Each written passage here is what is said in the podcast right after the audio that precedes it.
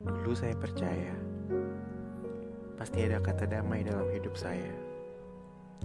Setidaknya harapan saya masih ada yang berbentuk sebuah cuap-cuap dalam doa. Namun ternyata saya salah.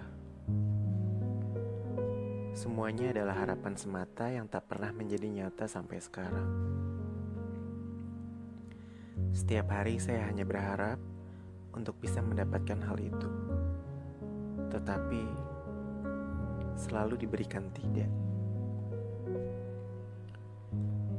Hari-hari saya sepertinya malah diisi dengan daftar hal-hal baru yang akan menambah sakit hati saya nantinya. Dan saya takut kalau akhirnya nanti saya sendiri juga yang masuk ke dalam daftar itu.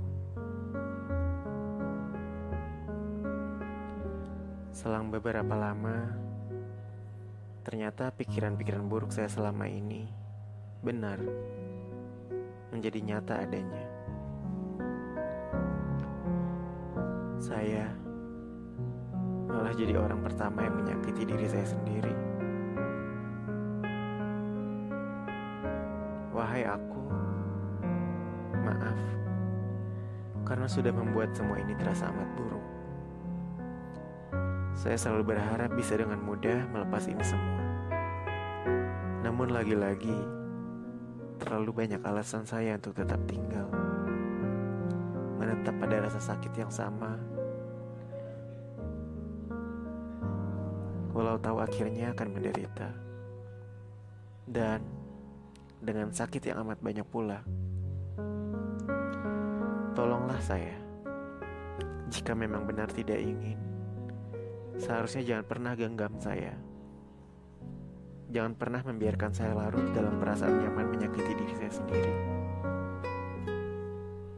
Namun, sampai di titik ini saya mulai tersadar. Siapa orang yang bisa mengerti? Siapa orang yang mau berhenti? Dan siapa orang yang paling menyayangi?